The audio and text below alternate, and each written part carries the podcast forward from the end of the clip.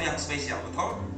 Uh, saya selalu bersuka cita karena saya menyadari bahwa uh, Natal, hari Natal, bulan Desember itu bukan sekedar kita merayakan Natal, saudara, tapi juga uh, merupakan waktu di mana kita merefleksikan dan merenungkan apa yang sudah Tuhan kerjakan kepada hidup kita sepanjang tahun ini dan kita mempersiapkan diri kita untuk memasuki tahun yang akan datang. Yang setuju boleh bilang amin. Saudara, saya nggak tahu seberapa banyak saudara yang mempersiapkan tahun depan, tapi uh, saya secara pribadi dan keluarga dari tanggal 3 Desember kemarin, kami ngambil puasa, saudara. Bukan hanya saya dan istri, anak-anak saya, William dan Caitlin yang masih 4 tahun, mereka juga puasa. Ya, uh, mereka puasa sampai jam 12 siang. Awal-awal penuh perjuangan, karena anak saya ini doyannya makan, saudara jadi uh, biasa pagi itu udah perut udah terisi penuh, tapi uh, ketika kami mengajarkan mereka puasa, saya menjelaskan bahwa Will, uh, Kate, kita perlu dengar suara Tuhan. Wah, suara Tuhan kayak gimana? Agak sulit menjelaskan buat mereka, tapi saya berdoa uh, biar roh dengan caranya sendiri yang berbicara buat mereka. Tapi yang ingin saya sampaikan adalah uh, kami sangat serius mempersiapkan tahun 2019. Saudara, waktu uh, saya dan istri saat teduh, kami punya kebiasaan setiap pagi kami saat teduh, uh, kami baca firman, biasa kami mengajak juga anak-anak kami. Uh, saya ingat sekali di tanggal 3 Desember awal bulan ini, tiba-tiba Tuhan taruhkan sesuatu di dalam hati saya. Uh, Tuhan katakan bahwa tahun depan, tahun 2019, uh, kamu akan memasuki tahun yang mengherankan dan menakjubkan. Saya kaget. Ya, saya kaget Saudara tolong tangkap ini baik-baik dengan rohmu karena saya percaya bahwa ketika kita menangkap sesuatu dengan roh kita maka uh, itu akan terjadi di alam nyata kita. Amin.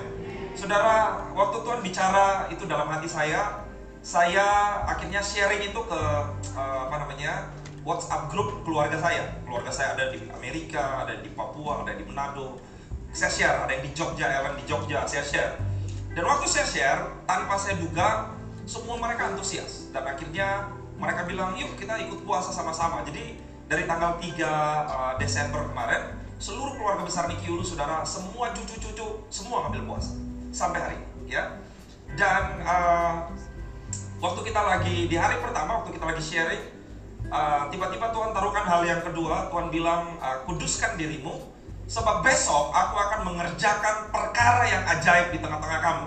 Saudara saya kaget saudara. Buat saya Tuhan apa yang mau Tuhan uh, sampaikan buat kami? Uh, firman Tuhan cuma katakan dalam kitab Yosua kuduskan dirimu sebab besok aku akan mengerjakan perkara yang ajaib di antara kamu. Saudara uh, pesan itu saya belajar untuk meresponi saudara. Uh, akhirnya itulah kenapa kami memutuskan ngambil puasa sampai ke anak-anak uh, kami. Dan kami saya khususnya secara pribadi memutuskan untuk setiap hari belajar. Saya udah setiap hari saya bangun pagi saudara ya tapi uh, kadang-kadang baca Alkitab ya pokoknya baca hari ini bisa baca hari apa uh, ibadah harian uh, tapi besok saya bisa baca Alkitab dari yang lain. Tapi ketika saya tahu bahwa Tuhan tidak berbicara sesuatu saya uh, memaksa diri saya satu hari saya baca lima pasal. Lima pasal saya baca. Uh, apakah Tuhan langsung bicara? Oh enggak juga. Tapi saya percaya bahwa ketika saya membaca firman Tuhan, ada banyak pesan-pesan Tuhan yang penting buat saya, Tuhan sampaikan. Saudara, hari ini saya nggak tahu seberapa banyak dari antara saudara yang mengharapkan tahun depan saudara akan mengalami perkara yang mengherankan dan ajaib. Saya nggak tahu. Tapi kalau kita bilang seberapa besar kita rindu, seberapa besar kita ingin, sebesar itulah Tuhan akan kasih ke kita. So hari ini mari kita siapkan roh kita, siapkan diri kita bukan hanya sekedar oh ya mau tahun baru kita bersenang-senang, kita mempersiapkan kue uh, kue tahun baru, bikin acara enggak. Tapi lebih daripada itu, yuk kita siapkan diri kita karena Tuhan akan menyatakan sesuatu buat kita. Yang setuju boleh bilang amin. Itulah sebabnya hari ini saya mau sharing uh, di dalam kitab Lukas pasal yang kedua sesuatu yang sangat penting dan saya berdoa saudara Tangkap ini dengan uh, roh saudara karena ini merupakan hal yang sangat penting. Kita buka di dalam Lukas pasal yang kedua. Kita lihat di ayatnya yang ke-8 sampai ayatnya yang ke-20. Lukas pasal yang ke-8. Lukas pasal yang kedua ayat yang keberapa saudara? 8 sampai ayat yang ke-20. Saudara boleh catat, saudara boleh tulis di handphone saudara, tapi pagi hari ini saya berdoa lebih daripada itu saudara tangkap ini dengan spirit saudara. Yang setuju boleh bilang amin. Ya. Sebelum kita mulai, saudara tengok samping kiri kanan dan bilang begini, eh, dengar baik-baik, Tuhan mau memberkati engkau. Bilang begitu, saudara. Eh, dengar baik-baik ya, Tuhan mau memberkati engkau. Amin. Oke, saya akan bacakan buat saudara. Di daerah itu ada gembala-gembala yang tinggal di padang menjaga kawanan ternak mereka pada waktu malam. Oke, ayat yang kedua, Tiba-tiba berdirilah seorang malaikat Tuhan di dekat mereka dan kemuliaan Tuhan bersinar meliputi mereka dan mereka sangat apa saudara ketakutan. Saudara ada yang tahu siapa itu gembala-gembala yang ada di padang pada saat itu? Sampai hari ini gak ada seorang pun yang tahu siapa mereka. Alkitab juga tidak mencatat dengan detail mengenai siapa gembala-gembala yang ada di padang pada saat itu. Tapi menariknya adalah, saudara bisa bayangkan, padang-padang, eh, apa namanya, gembala-gembala yang ada di padang, Alkitab berkata di ayat yang kedua, tiba-tiba didatangi oleh malaikat Tuhan. Kita nggak usah baca ayat berikutnya, tapi kita tahu apa yang hendak disampaikan. Saudara pasti tahu bahwa malaikat hendak menyampaikan satu kabar yang sangat besar. Betul atau enggak? Saudara, saya coba merenungkan ini dan saya mendapati bahwa kenapa sih harus dipilih gembala-gembala? Saya perlu kasih gambaran sedikit. Gembala-gembala itu merupakan apa ya? Strata yang pada saat itu strata yang rendah. Alkitab mencatat mereka menjaga kawanan domba sampai tengah malam. Itu artinya, itu artinya mereka punya tugas, kerjaan mereka itu setiap hari adalah jagain domba. Ya, dan orang yang jagain domba itu beda dengan pemilik domba. Pemilik domba itu dia bisa menyewa orang untuk menjaga kawanan dombanya. Jadi bisa dipastikan orang yang pada saat itu itu orang-orang yang sangat sederhana. Bukan orang-orang hebat, bukan pemilik-pemilik domba. Mungkin mereka adalah orang-orang yang dibayar atau bekerja khusus untuk menjaga kawanan domba. Saudara, mungkin hari ini kita adalah orang biasa Mungkin hari ini kita nggak diperhitungkan oleh dunia. Mungkin hari ini nggak ada yang kenal kita. Tapi saya mau kasih tahu, Tuhan tahu betul siapa saudara. Tuhan kenal betul siapa saudara dan saya. Saudara, kalau ada seseorang yang memberitakan, kalau ada seseorang yang apa ya punya anak pertama, menurut saudara, kabar pertama kali akan dikasih tahu kepada siapa? Orang yang penting atau orang yang nggak penting? Saudara punya anak pertama, anak pertama saudara, apalagi orang Batak, anak pertama lahir laki-laki pula.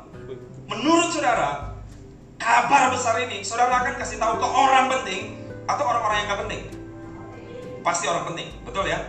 Saya ingat anak saya pertama, William lahir. Waktu dia lahir di rumah sakit mitra keluarga, begitu dia lahir, saya nggak lari ke satpam untuk kasih tahu, eh papa saya punya anak loh. Enggak. Kenapa? Satpam pada saat itu nggak terlalu penting buat saya. Saya juga nggak langsung teringat teman saya yang di SD yang sudah 25 tahun nggak ketemu, tiba-tiba waktu anak saya lahir dan saya teringat, oh iya, saya punya teman nih namanya George nih, udah 25 tahun saya nggak ketemu, saya mau kasih tahu dia dulu ya. George, George, apa kabar George? Uh, lu masih ingat gua nggak? Gue Edo loh, teman SD lu dulu. Eh tahu nggak? Gue punya anak lo baru lahir. Kira-kira gitu atau enggak? Enggak. Menurut saudara, saya akan kasih tahu ke siapa? Orang tua. Kenapa orang tua? Karena orang tua adalah pribadi yang sangat penting buat kita. Saudara, jadi saya ingin kasih tahu, ketika Tuhan memutuskan untuk menyampaikan kabar ini kepada gembala, saudara jangan pikirkan dia orang biasa. Saudara jangan pikirkan dia orang yang biasa-biasa aja. Secara ukuran dunia mungkin dia orang biasa, tapi di mata Tuhan dia orang yang luar biasa. Karena nggak mungkin Tuhan memberitakan kabar spektakuler, kabar kesukaan yang besar buat orang yang dianggap biasa. Nggak mungkin. Saudara nangkap maksudnya ya? Iya. Itu artinya buat Tuhan, gembala-gembala itu memiliki arti yang sangat penting dalam di mata Tuhan. Saudara, hari ini mungkin gak ada yang tahu siapa kita. Mungkin hari ini kita nggak diperhitungkan oleh dunia. Mungkin hari ini di tempat pekerjaan saudara, saudara masuk dalam strata yang paling rendah. Mungkin hari ini di tengah keluarga saudara, saudara mungkin dianggap orang yang gak didengar suaranya. Mungkin di tengah pergaulan, saudara adalah orang yang selalu jadi follower. Tapi saya mau kasih tahu kabar sukacita hari ini. Saudara penting di mata. Alkitab berkata bukan apa yang dilihat manusia, Manusia melihat rupa, tapi Allah melihat hati. Betul? Kalau saudara baca, saudara akan lihat dengan jelas dikatakan bahwa manusia melihat rupa. Ya, 1 Samuel 16 ayat 7. Bukan yang dilihat manusia yang dilihat Allah, manusia melihat apa yang di depan mata, tetapi Tuhan melihat apa saudara? Hati. hati. Itulah kenapa hari ini saya mau masuk lebih dalam lagi penting untuk kita memahami bahwa yang Tuhan lihat bukan perawakan kita. Penting buat kita menyadari yang Tuhan lihat bukan tampilan luar kita. Penting buat kita menyadari yang Tuhan lihat bukan apa yang bisa dilihat oleh orang. Tapi yang penting kita tahu hari ini adalah yang dilihat Tuhan adalah apa yang tersembunyi. Yang setuju boleh bilang amin. Alkitab berkata dalam kitab Matius, sebab kalau engkau mau berdoa, masuklah ke dalam kamarmu dan berdoalah di sana. Maka Bapamu yang di surga akan akan apa? Melihat. Melihat dan menjawab doamu. Dalam bahasa Inggrisnya lebih keren. Dibilang bahwa when you come to your room and you pray, God will reward you openly. Artinya ketika kita masuk di tempat tersembunyi, gak ada yang lihat, gak ada yang tahu, tapi Allah yang tersembunyi akan memberikan reward Reward itu penghargaan. Reward itu kalau diberikan nggak pernah diam-diam. Saudara pernah lihat orang kasih piala citra diam-diam? Eh, hey, sini ya, kamu dapat piala citra ya diam-diam. Gak usah ngomong deh. Nih piala citra diam-diam. Ada? Gak ada. Orang kalau berikan penghargaan selalu diumumkan di hadapan dunia. Ini loh pemenang piala citra. Ini loh pemenang piala Oscar. Ini loh juara satu. Ini loh juara utama. Selalu di depan umum. Saya mau kasih tahu. Tuhan kalau memberikan penghargaan buat kita, Alkitab berkata, He will reward you openly. Tapi itu semua kembali ke dalam hati kita. Karena kenapa? Manusia melihat yang kelihatan. Tapi Allah melihat hati kita. Allah melihat yang tersembunyi. Allah melihat yang gak dilihat oleh dunia. Allah melihat yang mungkin gak diperhatikan oleh orang lain. Gak ada yang tahu siapa itu gembala-gembala. Tapi saya tahu satu hal.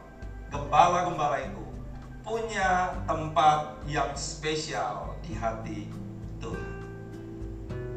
Kabar baiknya adalah saudara punya tempat yang sangat spesial di mata Tuhan. Mungkin tahun ini adalah tahun di mana engkau gagal. Saya mau kasih tahu buat saudara, gak usah kecewa. Saya mau kasih tahu, di dunia ini sebenarnya nggak ada kegagalan. Percaya. Terus apa dong? Kegagalan itu merupakan keberhasilan yang tertunda. Coba aja lagi. Coba aja lagi. Kalau gagal, coba lagi. Karena ketika engkau masih gagal, itu adalah keberhasilan yang hanya tertunda. Ketika engkau fail, coba lagi. Fail, coba lagi. Saya jamin, engkau pasti akan berhasil. Amin. Ini penting buat kita, saudara. Mungkin hari ini gak ada yang menganggap kita penting. Sama seperti pada zaman itu, gak ada yang menganggap gembala-gembala ini penting. Tapi saya mau kasih tahu, engkau sangat penting di, di, di, di mata Tuhan. Engkau punya tempat yang spesial. Mungkin engkau berpikir bahwa saya orang yang fail, yang gagal, yang gak ada gunanya, yang mungkin gak diperhitungkan oleh dunia. Hei, saya kasih tahu, Tuhan memperhitungkan hidupmu. Tuhan memperhitungkan engkau. Di mana pun engkau duduk pagi, ya, pagi hari ini, saya mau kasih tahu, engkau berharga, kau mulia di matanya Tuhan.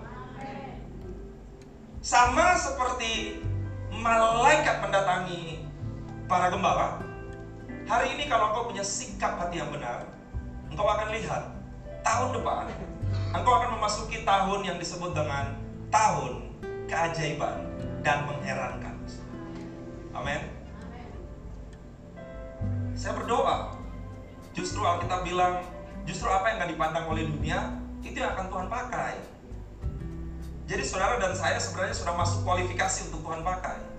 Karena kenapa? Hari ini mungkin dunia nggak memandang kita. Kita nggak diperhitungkan oleh dunia, nggak ada masalah. Saudara saya kasih tahu, dengar baik-baik. Lebih baik gak diperhitungkan dunia daripada nggak diperhitungkan surga. Setuju ya? Amin. Lebih baik kita nggak dianggap sama dunia daripada kita nggak dianggap sama surga. Saudara mau dianggap apa pun sama dunia, tapi saudara nggak dianggap sama surga, itu bahaya. Mohon maaf, saya mau sedikit lebih dalam. Saudara mau diagungkan sama semua orang, saya kasih tahu. Pada waktu kita meninggal, mungkin yang ngantar kita ribuan orang. Itu nggak penting. Yang penting siapa yang jemput saudara. Betul ya? Yang ngantar saudara jutaan orang. Tapi kalau nggak ada yang jemput di sana, pusing pala Barbie saudara. Amin. Sekalipun yang ngantar kita pada waktu Tuhan panggil kita, cuma jemaat di Bekasi Timur yang cuma dia 160 200 orang. No problem. Karena yang jemput saudara nantinya itu berlaksa-laksa di sorga saudara. Boleh berikan tepuk tangan buat Tuhan kita? Saudara saya nggak sedang menakut-nakuti saudara. Ya, tenang aja ya. Tapi hari ini saya pengen kita ngerti satu hal. Lebih baik kita nggak diperhitungkan dunia daripada kita nggak diperhitungkan surga. Nah, hari ini kita harus tahu siapa sih eh, apa namanya malah apa gembala-gembala itu. Nah ini akan kita bahas, saudara. Saudara, gembala-gembala itu siapa? Gembala itu adalah orang yang sederhana, orang yang biasa, orang yang mungkin gak ada apa-apanya. Saudara saya kasih tahu, Alkitab berkata Matius 5 ayat yang keempat, berbahagialah orang yang miskin di hadapan Tuhan, karena mereka lah yang punya kerajaan surga. Amin. Saudara, miskin artinya bukan berarti kita nggak punya apa-apa. Miskin itu bicara mengenai sikap hati. Saudara boleh punya segala-galanya, tapi kalau kita punya sikap hati yang emptiness, kosong, humble, saudara pasti akan diberkati Tuhan luar biasa. Masalahnya, masalahnya, mohon maaf, saya suka bilang buat jemaat Bekasi Barat, kadang-kadang udah miskin, sombong pula, saudara. Ngerti ya? Kalau orang kaya sombong wajar lah. Masih ya, masih masuk akal saya lah. Saudara bayangin, udah miskin sombong pula. Cemana itu ya kan? Cemana? Saudara, sekali lagi saya mau kasih tahu. Yang pertama, bicara mengenai sikap hati.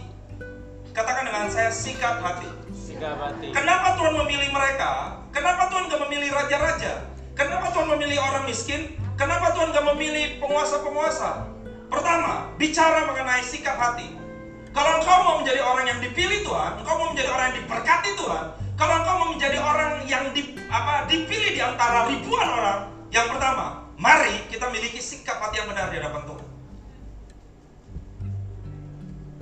Gembala itu nggak merasa hebat, dia nggak merasa memiliki sesuatu karena memang dia nggak punya apa-apa. Tapi itu bicara mengenai sikap hati kita. Saudara tahu nggak hari ini apa yang saudara miliki satu juta persen itu cuma titipan Tuhan. Termasuk uang yang hari ini ada di dalam kantong saudara itu milik Tuhan. Jadi kalau Tuhan bilang kasih, ya kasih lah. Karena itu bukan milik kita. Keluarga yang hari ini ada di antara engkau. Saudara, tahu nggak? Saya ngajarin anak saya William. Saya bilang, Will, tahu nggak? Bapak William yang sesungguhnya itu di surga. Betul. Awalnya dia nggak ngerti. Tapi saya ingin dia tahu bahwa Bapak William yang sejati, yang sebenarnya itu Bapak di surga. Saya ini cuman dipercayakan Tuhan untuk merawat dia selama dia ada di muka bumi. Cuma itu. Saya nggak pernah menganggap William ini wah milik kepunyaan saya enggak. Saudara tahu setiap hari, setiap hari saya cerita, saya ngajarkan dia tentang Alkitab. Kenapa? Saya mau dia kenal siapa bapaknya dia. Saya mau dia kenal siapa Tuhannya dia. Kenapa saya begitu? Karena saya tahu kok. William itu milik kepunyaan Tuhan. Kita bilang anak laki-laki itu adalah milik pusakanya Tuhan. Saya itu cuma dititipin. Jadi come on, saudara, jangan kita hanya gara-gara anak, kita lupain Tuhan. Jangan hanya gara-gara anak, kita tinggalin Tuhan. Banyak yang begitu. Sibuk sana sibuk, oh, saya punya, saya mesti ngurus anak, saya mesti ngurus keluarga. Kita nggak mikirin gimana melayani Tuhan. Kita nggak mikirin gimana kita menyenangkan hati Tuhan. Yang kita sibuk hanya mikirin anak. Come. Sometimes Tuhan bisa ambil. Uang ini miliknya Tuhan. Semua yang saudara miliki hari ini itu semua milik Tuhan. Saudara kerja di mana sekarang? Saya mau kasih tahu, pekerjaan itu pun adalah pemberian Tuhan. Jangan ada seorang pun yang berbangga hati atau merasa, wah saya hebat loh, saya punya posisi ini loh, saya bisa begini loh, come on. Besok Tuhan juga bisa ambil pekerjaan itu. Terus kita mau ngapain? Staff di kantor saya, saya panggil semuanya. Saya kumpulin. Saudara kenal Daniel? Salah satunya. Saya bilang, kalau besok kamu kehilangan pekerjaan, kamu mau ke mana? Kaget dia sudah. Saudara boleh tanya Daniel. Wih, kaget dia. Dia pikir perusahaan sedang goncang atau apa gitu kan. Kaget dia. Loh, kenapa? Enggak, saya tanya aja. Seandainya kalau besok kamu kehilangan pekerjaan, apa yang akan kamu lakukan? Dia diam. Dia nggak pernah berpikir kalau besok dia akan kehilangan pekerjaan. Dan saya bilang, Neil, kita harus tahu, pekerjaan itu pun nggak abadi. Besok pun juga bisa ambil. Saudara ngerti ya? Jadi kita harus tahu, kita harus sadar betul-betul, even pekerjaan, jangan kita bangga. Itu milik Tuhan kok. Tuhan mau ambil besok, hari ini Tuhan ambil pun bisa.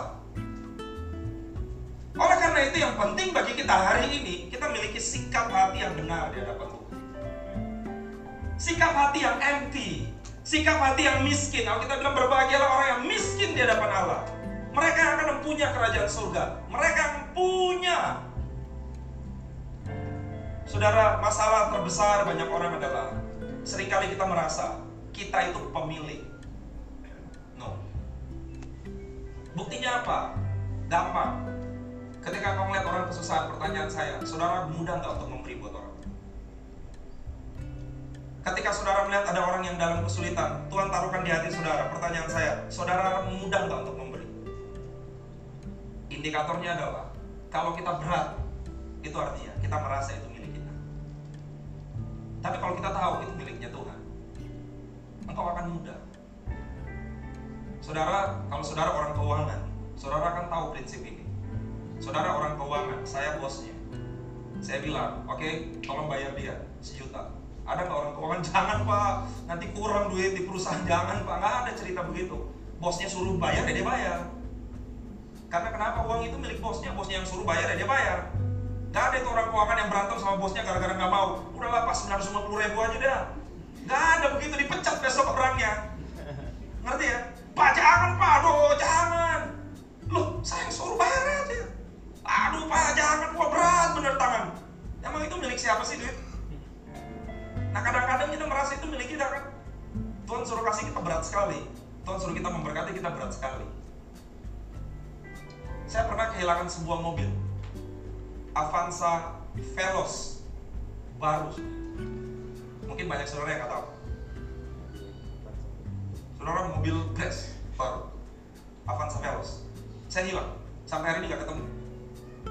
Tapi yang ingin saya bagikan adalah ketika itu hilang, saya shock pertama kali. 5 menit pertama saya shock.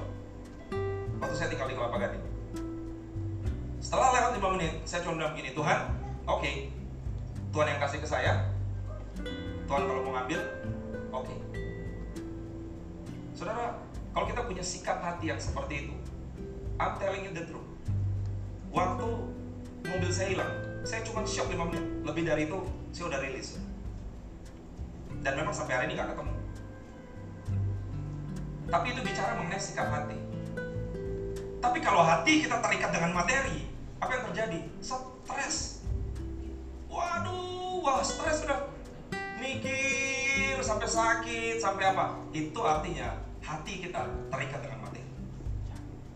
hari ini yang pertama, miliki sikap hati yang benar. Kita itu miskin di hadapan Tuhan. Alkitab bilang apa?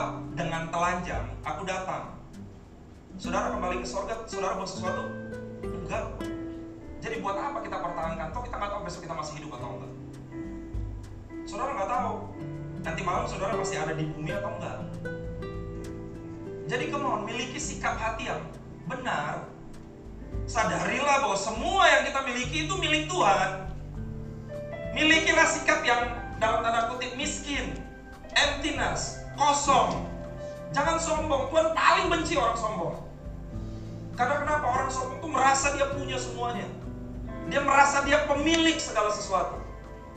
Ketika dia punya sesuatu, wah kayaknya orang lain dibawa seratanya dia. Begitu dia dipercayakan lebih tinggi, kayaknya dia memandang orang lain rendah. Enggak.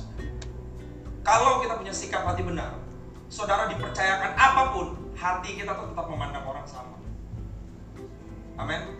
Kalau saudara mau diberkati, pertama, miliki sikap hati sama seperti gembala. Hati yang emptiness, hati yang kosong, miskin di hadapan Allah, hidup sederhana, merasa semua itu bukan miliknya dia. Orang-orang seperti itulah yang akan Tuhan percayakan perkara-perkara yang dahsyat. Berikan tepuk tangan dulu buat Tuhan. Yang kedua, yang kedua, saya akan bacakan ayat yang, uh, ayat yang 10 lalu kata malaikat itu kepada mereka jangan takut sebab sesungguhnya aku memberitakan kepadamu kesukaan besar untuk apa saudara? Seluruh bangsa. Kesukaan besarnya itu apa? Saudara lihat sama-sama kita baca ayat yang ke-11 321 ya. Hari ini telah lahir bagimu juru selamat yaitu Kristus Tuhan di kota Daud. Saudara saya mau tanya, Menurut saudara definisi sukacita terbesar itu apa sih? Ada banyak orang berpikir bahwa sukacita terbesar adalah apabila kita bisa mencapai posisi tertentu di dalam pekerjaan kita. Ada orang yang berpikir bahwa sukacita terbesar adalah apabila saya bisa punya anak laki-laki. Ada orang yang mendivisikan sukacita terbesar adalah kalau saya punya gaji di atas 100 juta. Ada orang yang mendefinisikan apa sukacita terbesar adalah kalau saya punya perusahaan sukses terus. Ada orang yang bilang, saya suka cita terbesar adalah kalau saya punya mobil A. Ada orang yang bilang, suka cita terbesar adalah apabila strata sosial saya meningkat. Saudara boleh punya banyak uh, justifikasi mengenai apa itu kesukaan terbesar. Tapi saya mau beritahu buat saudara. Dulu saya pernah kerja, gajinya, pertama kali saya kerja gaji saya 2,7 juta. Saya berpikir, kalau saya bisa punya gaji 5 juta kayaknya saya happy berat sampai pada suatu titik saya punya gaji 5 juta. Saya happy yes tapi cuman bulan itu doang. Selebihnya biasa. Habis itu saya berpikir kayaknya saya akan jadi orang yang happy banget kalau gaji saya bisa dua digit ya di atas 10 lah dua digit 10, 11, 12 waktu saya achieve itu senang saudara tapi pertanyaan saya adalah sukacita saya apa nih? enggak Cuman pada saat saya terima pertama kali, habis itu apa? Tambah pusing, saudara. Tahu nggak kenapa? Gaji meningkat, gaya hidup meningkat. Dulu nggak ada hutang, gaji nambah, bingung kan? Hutang tambah banyak. Loh itu benar. Karena biasanya semakin orang punya banyak income, semakin gaya hidupnya naik. Saudara tahu nggak? Yang bikin orang itu kebobolan itu bukan karena gajinya kurang. Yang bikin orang kebobolan itu karena gaya hidupnya yang meningkat. Cuma itu doang. Saya ketemu dengan orang yang gajinya puluhan juta, saudara. Tetap punya utang. Saya punya salah satu staff, gaji cuma 4 juta setengah, dia punya anak tiga, gak punya utang sama sekali. Saudara, kesukaan terbesar itu apa sih? Saya pernah bermimpi kalau saya punya mobil sendiri, wah saya pasti happy banget. Saya tahu saya pernah eh, cerita di sini sampai pada satu titik Tuhan kasih saya mobil, mobil pribadi, gak pakai duit dari orang tua, enggak, beli sendiri. Happy saudara. Happy-nya cuma sebulan. Habis itu pusing, pusingnya ngapain? Mikirin cicilan, ya kan? Happy-nya cuma sebentar. Habis itu pusing kepala. Saudara, gak ada yang abadi di dunia ini. Betul ya? Saudara mau bilang apa pun, mau, mau posisi tertinggi pun, itu nggak abadi. Saudara nggak akan bisa sukacita saudara nggak akan terus sepanjang setahun itu terus, nggak akan. Wah, yang punya anak pertama kali, wah sukacita terbesar, bangga saudara. Giliran udah tiga bulan mesti bangun setiap jam satu pagi, ngedumel juga kan? Aduh, nah, besok pagi mau kerja. Aduh, udah berantem sama istri. Kamu lah kamu ah. Awal bangga, awal senang, awal sukacita. Lama-lama berantem juga, hanya karena kenapa? Siapa yang mau gantiin popok? Baru ganti jebol lagi ya kan? Waduh, berat nih. Aduh, aduh, aduh, anak-anak udah ganti tadi. Ah, begitulah. So, nggak ada yang abadi. Betul? Betul. Saudara mau, waduh saya punya rumah, saya akan bahagia. Well betul, saudara bahagia tapi cuma sebentar, percaya. Coba saudara renungkan dan saudara pastikan bahwa apa yang saya sampaikan itu totally benar. Betul ya? Apa pun di dalam dunia ini tidak ada yang abadi. Tapi Alkitab berkata, hari ini aku memberitakan kepadamu satu kesukaan besar untuk seluruh bangsa. Kesukaan besarnya itu apa? Hari ini telah lahir bagimu Yesus Kristus. Tahu nggak saudara? Sukacita yang abadi, yang tidak akan pernah digantikan oleh apa pun. Apabila Kristus selalu hadir dalam hidupmu, dalam hidupku, seumur hidup kita itu sukacita abadi. Pertanyaannya adalah, apakah Kristus bukan hanya lahir, tapi dia jadi Tuhan dan Raja dalam hidupmu everyday atau enggak? Itu pertanyaannya. Bukan saya orang Kristen, Kristus pasti ada, benar Kristus ada. Tapi masalahnya kalau di dalam kapal, Kristus bukan di tempat captain, belakang, buritan. Belakang bos, gua yang bawa. Saudara saya mau kasih tahu satu rahasia. Kalau engkau ingin melihat hidupmu dipercaya semakin besar lagi, kalau engkau mau melihat perkara-perkara yang ajaib terjadi dalam hidupmu, pastikan Kristus yang selalu di tempat pertama di dalam hati dan hidup. Kalau engkau, saudara tahu nggak? Surga itu apa sih? Saudara tahu nggak surga itu apa? Surga itu adalah tempat di mana Allah itu ada di situ. Di mana Allah ada, di tempat itu surga. Itu indah. Jadi kalau surga itu sebenarnya bukan soal tempat. Surga itu bukan satu tempat, enggak. Surga itu di mana ada kehadiran Allah. Di situ saudara akan bisa merasakan atmosfer surga. Setuju atau enggak? Nah, saya beritahu buat saudara. Kalau saudara pengen ngerasain surga, gak usah jauh-jauh, tunggu kita mati dulu. Harusnya di dalam keluarga saudara, saudara bisa merasakan surga setiap hari ada di situ.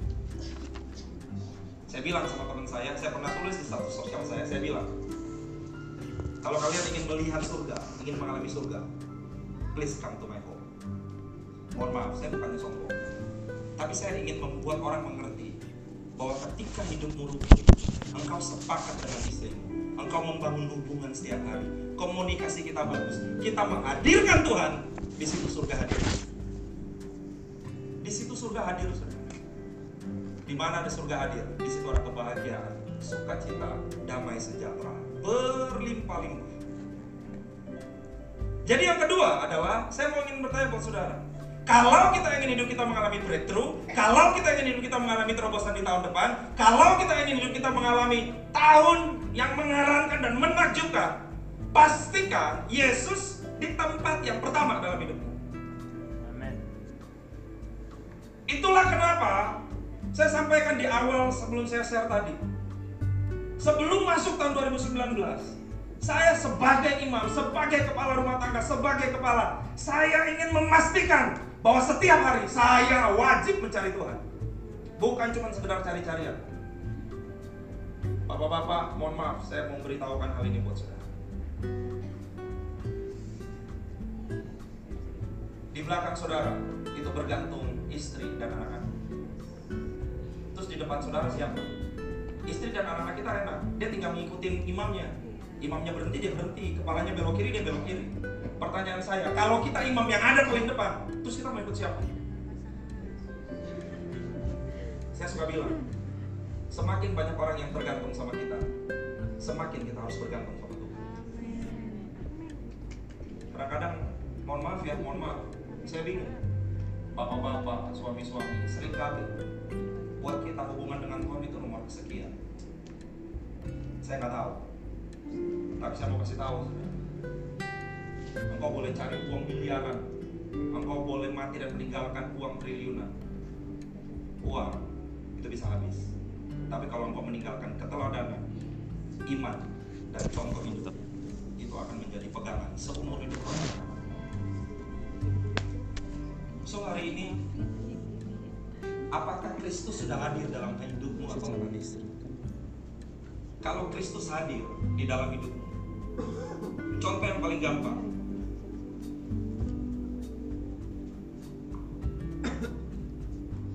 Saudara ini saudara, betul ya? Ini Edo nah. Yang saudara lihat siapa? Edo kan? Tapi kalau saudara hidup di dalam Kristus, yang orang lihat ini Kristus nih. Yang orang lihat Edo, eh, yang saudara lihat kertas tadi atau Alkitab? Alkitab. Bukti bahwa saudara hidup di dalam Tuhan adalah apakah orang melihat hidupmu serupa dengan Kristus atau enggak? Cuman itu doang. Kita boleh berkoar-koar kita anak Tuhan. Kita boleh bilang kita setiap hari baca firman. Pertanyaannya, saudara,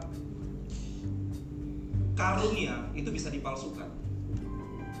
Karisma itu bisa dibuat. Tapi buah-buah kehidupanmu itu nggak bisa dimanipulasi. Saudara mau, tahu? Cara yang paling mudah untuk tahu hidupmu berbuah atau enggak? Tanya kepada istri atau suamimu. Itu aja.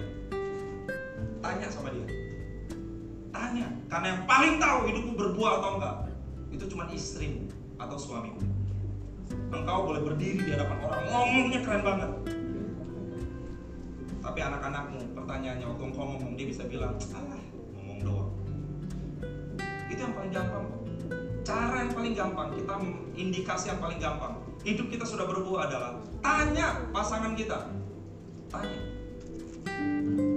Berkali-kali saya tanya kepada istri saya. Saudara kalau ketemu dengan Lisa, saudara tanya sama dia. Berkali-kali saya tanya, Mam, are you happy married with me? Kau bahagia nggak menikah?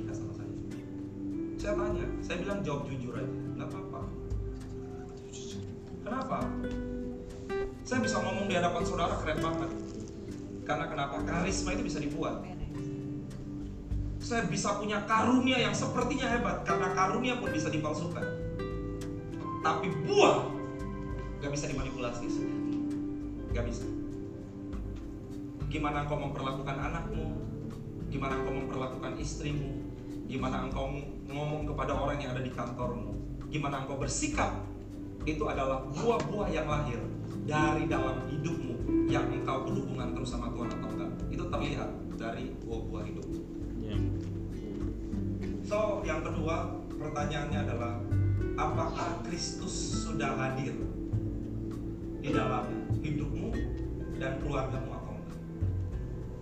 Kalau kau ingin hidupmu diberkati, hidupmu dipakai, hidupmu jadi hidup yang mengherankan dan ajaib, pastikan Kristus harus jadi yang tempat pertama, first di dalam hidupmu. Yang ketiga,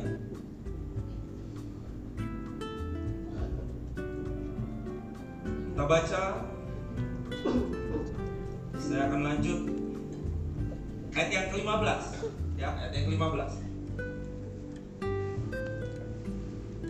oke yuk kita baca sama-sama kita baca sama ayat yang ke-15 3 2 1 ya setelah malaikat-malaikat itu meninggalkan mereka dan kembali ke surga gembala-gembala itu berkata seorang kepada yang lain marilah kita pergi ke Bethlehem untuk melihat apa yang terjadi di sana seperti yang diberitahukan Tuhan kepada kita. Perhatikan ayat yang ke-16 saya akan bacakan. Lalu mereka apa saudara? Cepat-cepat. Yang ketiga.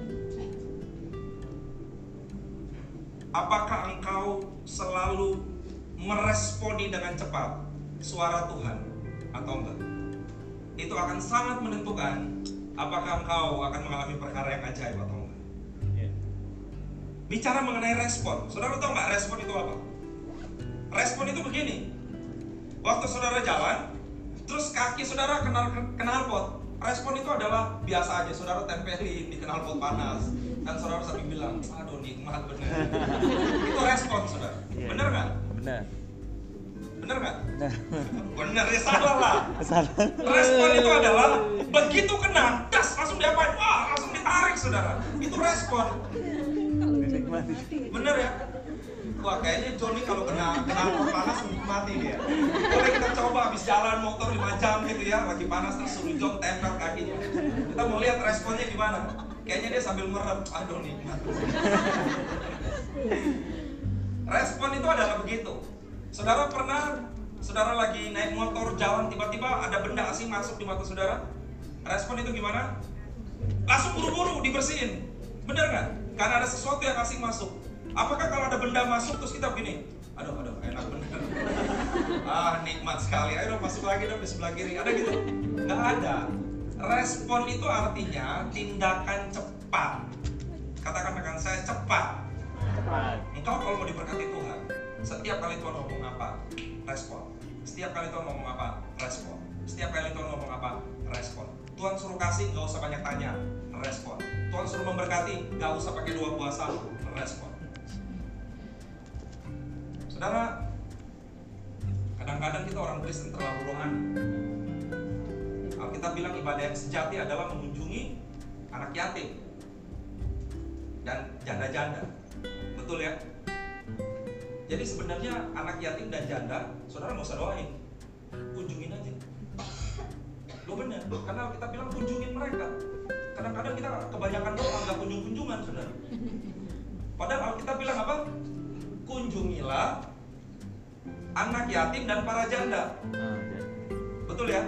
Tapi kalau janda janda yang benar saudara ya. Jangan janda janda saudara. Repot tapi saudara bilang oh saya mau, menggenapi firman. Kenapa? Saya mau mengunjungi para janda. Lo orang miskinnya diabaikan. Janda dong yang dikunjungin. Repot juga saudara. Amin.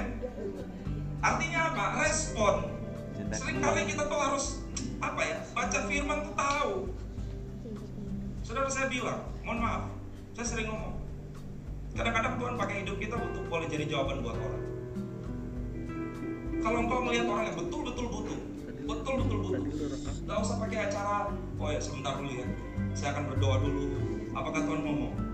Kalau Tuhan ngomong, saya akan memberikan. Saudara keburu listriknya di rumah mati, saudara. Benar. Kesaksian terakhir. Satu ketika saya pelayanan di satu tempat, satu gereja. Uh, saya nggak tahu saya pernah cerita nggak ya, mudah-mudahan belum ya. Saya pelayanan di satu buah gereja. uh, tiga kali ibadah cukup banyak. Uh, dan pada ibadah yang terakhir udah malam. Waktu saya apa seperti biasa uh, setelah selesai para gembala-gembalanya, Pak terima kasih buat pelayanannya. Diberikan uh, persembahan kasih. Saya terima saudara. Oke. Waktu saya terima, saya turun karena dia gedungnya bertingkat. Saya turun, saudara. Di bawah itu tempat buat orang fellowship cukup besar, ya. Waktu saya turun, tiba-tiba mata saya melihat ada seorang ibu-ibu yang ada di di pintu. Dia tuh kayaknya udah mau keluar, tapi itu dia balik. Waktu dia balik, mata saya kebetulan lihat dia. Waktu saya ngeliatin dia, dia nggak ngeliatin saya. Tiba-tiba Roh Kudus ngomong di hati saya, yang ada di dalam apa namanya tanganmu beri buat orang. Wih, kaget saya. Karena kenapa? Itu saya pegang amplop itu udah agak berat saudara, saking beratnya. Wah, ini lumayan ini ya kan? Lumayan itu. Jangan ketawa. Biasa pelayan-pelayan kalau ngomong begitu langsung nangkep. Itu itu lumayan berat saudara. Jadi waktu ngomong begitu hati itu agak nggak rela. Aduh Tuhan, Ampun ini udah punya rencana banyak ini kan. Saudara tahu apa yang saya lakukan? Saya masuk ke dalam toilet. Saya nggak sedang kebelet, saya nggak sedang pengen ke belakang, enggak. Tapi saya lama-lamain aja di dalam toilet. Dengan harapan itu ibu cepat-cepat pulang. Gitu, oke? Waktu saya mau keluar, saya balik lagi. Saudara tahu apa yang saya lakukan? Saya masuk ke dalam kloset. Saya masuk, saya duduk aja buka Instagram.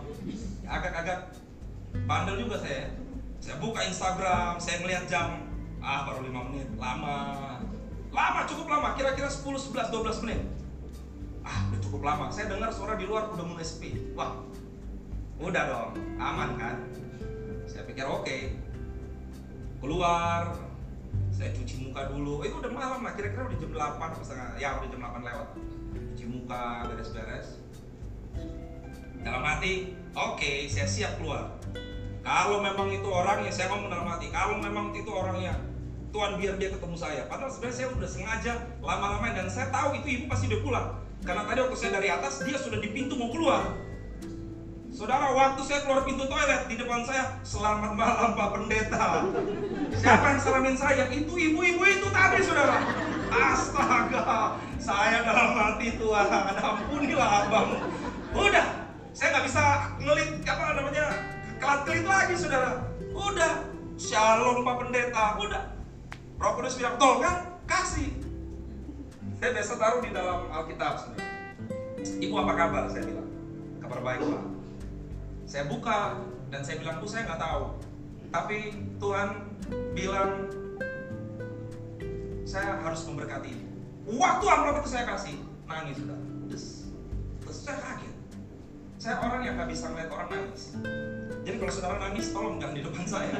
Karena kalau saudara nangis saya juga ikutan nangis. Bukannya saya terharu memang saya nggak bisa ngeliat orang nangis saudara. Saya matanya langsung ikutan berair saudara. Ya jadi kalau ada yang mau kucek-kucek mata jangan depan saya. ya saya langsung nangis saudara. Jadi waktu dia begitu saya nggak tahan dan saya bilang bu mohon maaf saya izin pulang. Oke. Rupanya dia sangat tergugah sangat terharu. Dan akhirnya dia uh, saya pulang. Waktu saya masuk mobil ada sukacita yang besar dalam hati saya. Dan saya merasa Tuhan terima kasih. Uh, saya sudah belajar taat. Saya cuma mengucap syukur uh, poin itu. Saudara kebetulan di gereja itu ada seorang yang saya kenal. Dan hari Seninnya besoknya dia cerita. Karena dia satu komsel dengan uh, ibu itu dan dia cerita waktu Senin itu dia komsel. Saudara dia bilang begini pada hari Minggu itu itu adalah hari terakhir di mana hari Senin besok dia harus bayar tiga anaknya untuk kuliah. Dan kalau anaknya nggak bayar kuliah maka dengan otomatis anaknya akan dianggap gak lulus dan harus pulang tahun depan.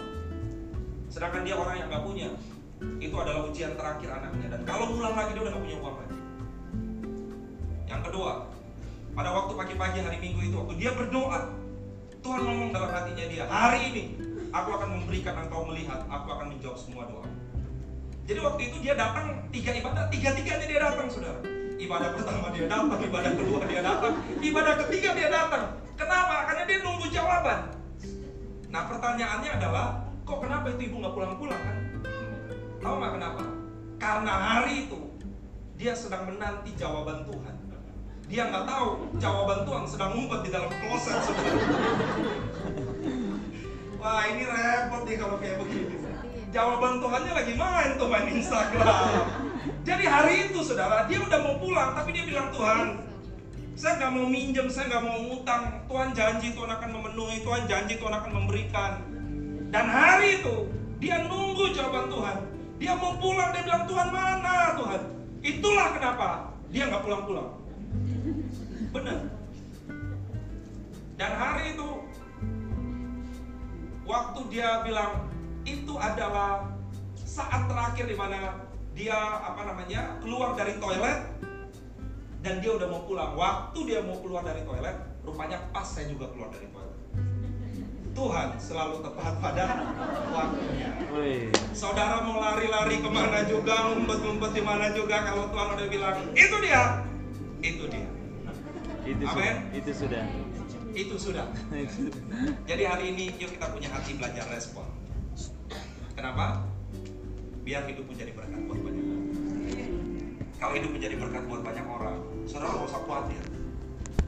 Saudara saya mau bilang buat saudara, jangan habiskan hidup dan energimu untuk mencari berkat. Saya ulangin sekali lagi, jangan habiskan hidup dan energimu untuk mencari berkat. Kenapa? Karena kitab ulangan berkata dengan sangat jelas, Aku akan memerintahkan, ulangan 28 eh, berkata yang kedua, Aku akan memerintahkan seluruh berkat ini untuk mengejarmu. Bayangin, saya kasih tahu saudara, kebanyakan orang Kristen sibuk ngabisin waktu nyari berkat, keliru. Kita harus sibuk apa namanya menyenangkan hati Tuhan, sibuk cari Tuhan. Karena kenapa? Berkat itu sudah diperintahkan buat ngejar kita. Amen. Jadi kalau saudara mengerti prinsip ini, saudara mau ke mana pun berkat itu akan ngejar saudara. Berkat itu akan ngikutin saudara. Gak usah capek-capek, gak usah ribet-ribet, gak usah pusing. Mau cari-cari berkat keliru. Orang yang sibuk cari berkat itu berarti orang itu gak tahu firman Tuhan. Karena kita tahu firman Tuhan berkata ulangan 28 ayat yang kedua, sebab aku telah memerintahkan segala berkat ini akan mencari dan menggapai engkau. Kau hidupmu akan santai. Karena kenapa? Kau tahu Tuhan sudah pelihara hidup. So yang ketiga adalah yuk kita belajar respon. Ya, tim musik boleh naik ke maju ke depan.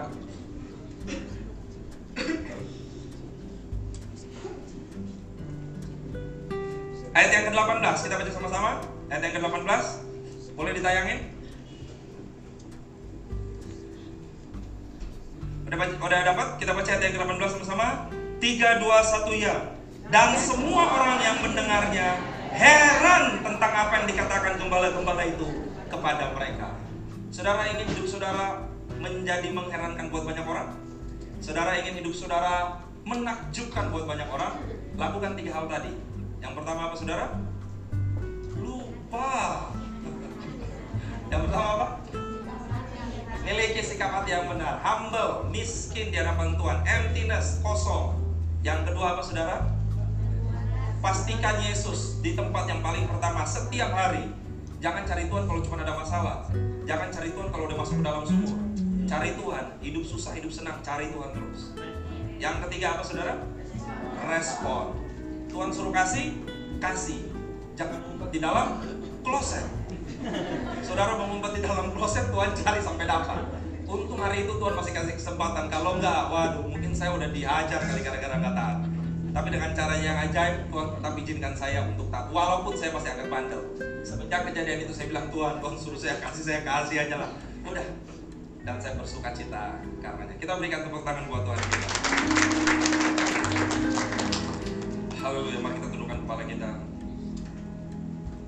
Firmanmu berkata kau bersama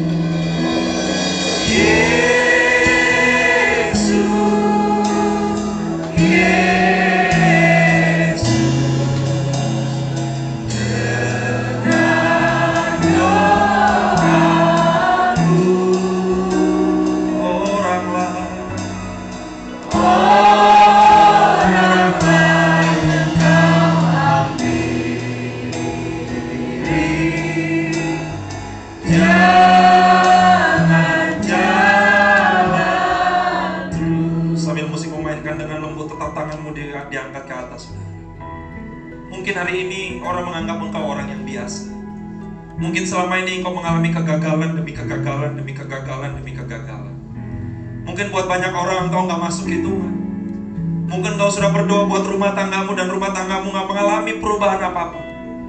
Mungkin engkau berseru kepada Tuhan siang dan malam, Tuhan tolong ubah pasanganku, istriku, atau suamiku. Namun mungkin sepertinya nggak ada sesuatu yang terjadi.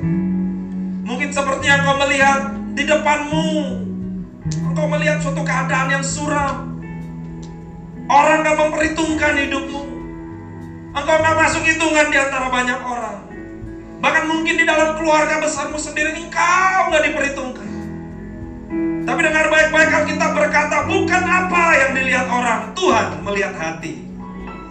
Hari ini yang pertama, apakah engkau punya sikap hati yang benar di hadapan Tuhan?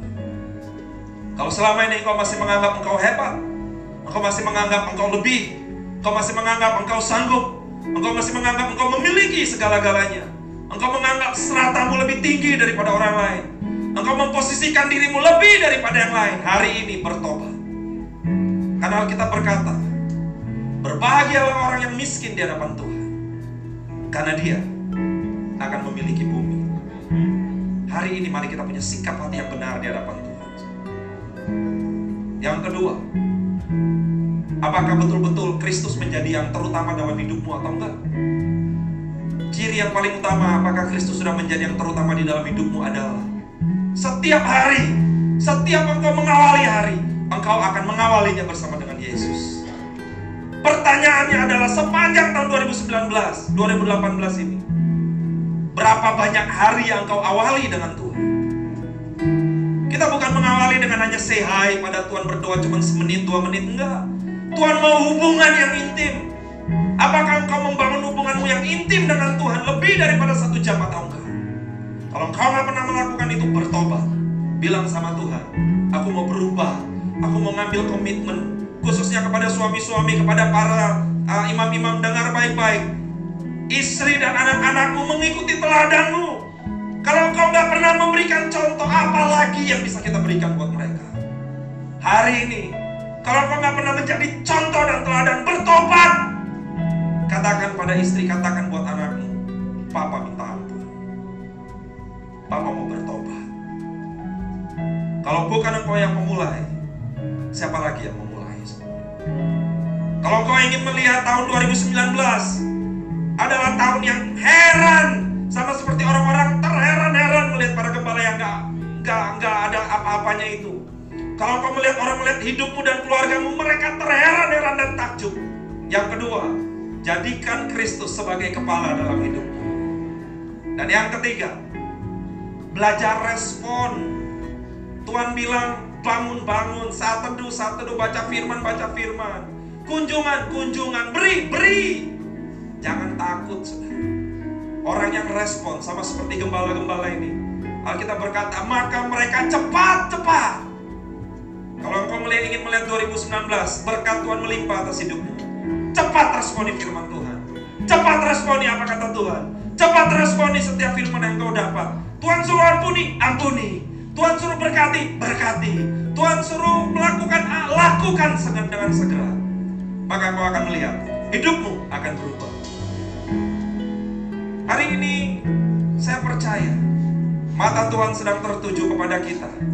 Di tempat ini, karena itu pagi hari ini apa pun doamu, dengan tangan terangkat, dengan suaramu yang lembut, sama-sama katakan dengan saya, Yesus.